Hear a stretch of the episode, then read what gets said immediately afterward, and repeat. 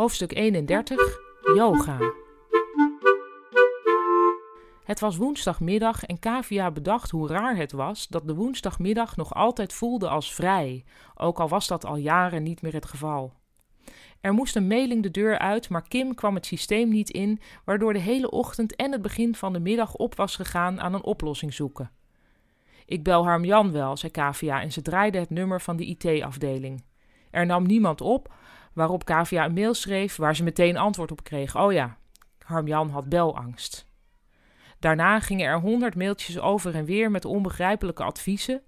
Als het goed is, zie je dan de optie overige en die moet je aanklikken of anders terug naar voorkeuren, waardoor Kim uiteindelijk zei: Ik ga wel naar hem toe, dit schiet niet op. Kavia bleef alleen achter met Marja. Die liet een ingewikkelde yoga-oefening zien. En dan moet ik zo, met mijn hand, achter mijn enkel, niet te filmen, toch? Kavia probeerde haar zo min mogelijk aan te moedigen. Als ze Marja rustig op een stoel kon laten zitten, viel er ook niets aan Ruud te rapporteren. Kavia concentreerde zich daarom op de grijze kei die ze had gekocht bij het tuincentrum. Het ding lag al dagen op haar bureau. Op een gegeven moment moest ze er iets opzetten voor het huwelijk van Rogier en Juliette.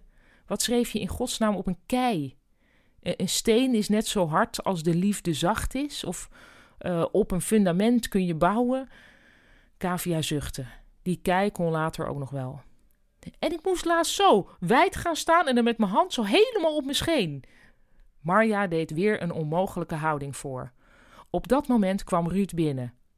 Pas je wel een beetje op met je rug, Marja?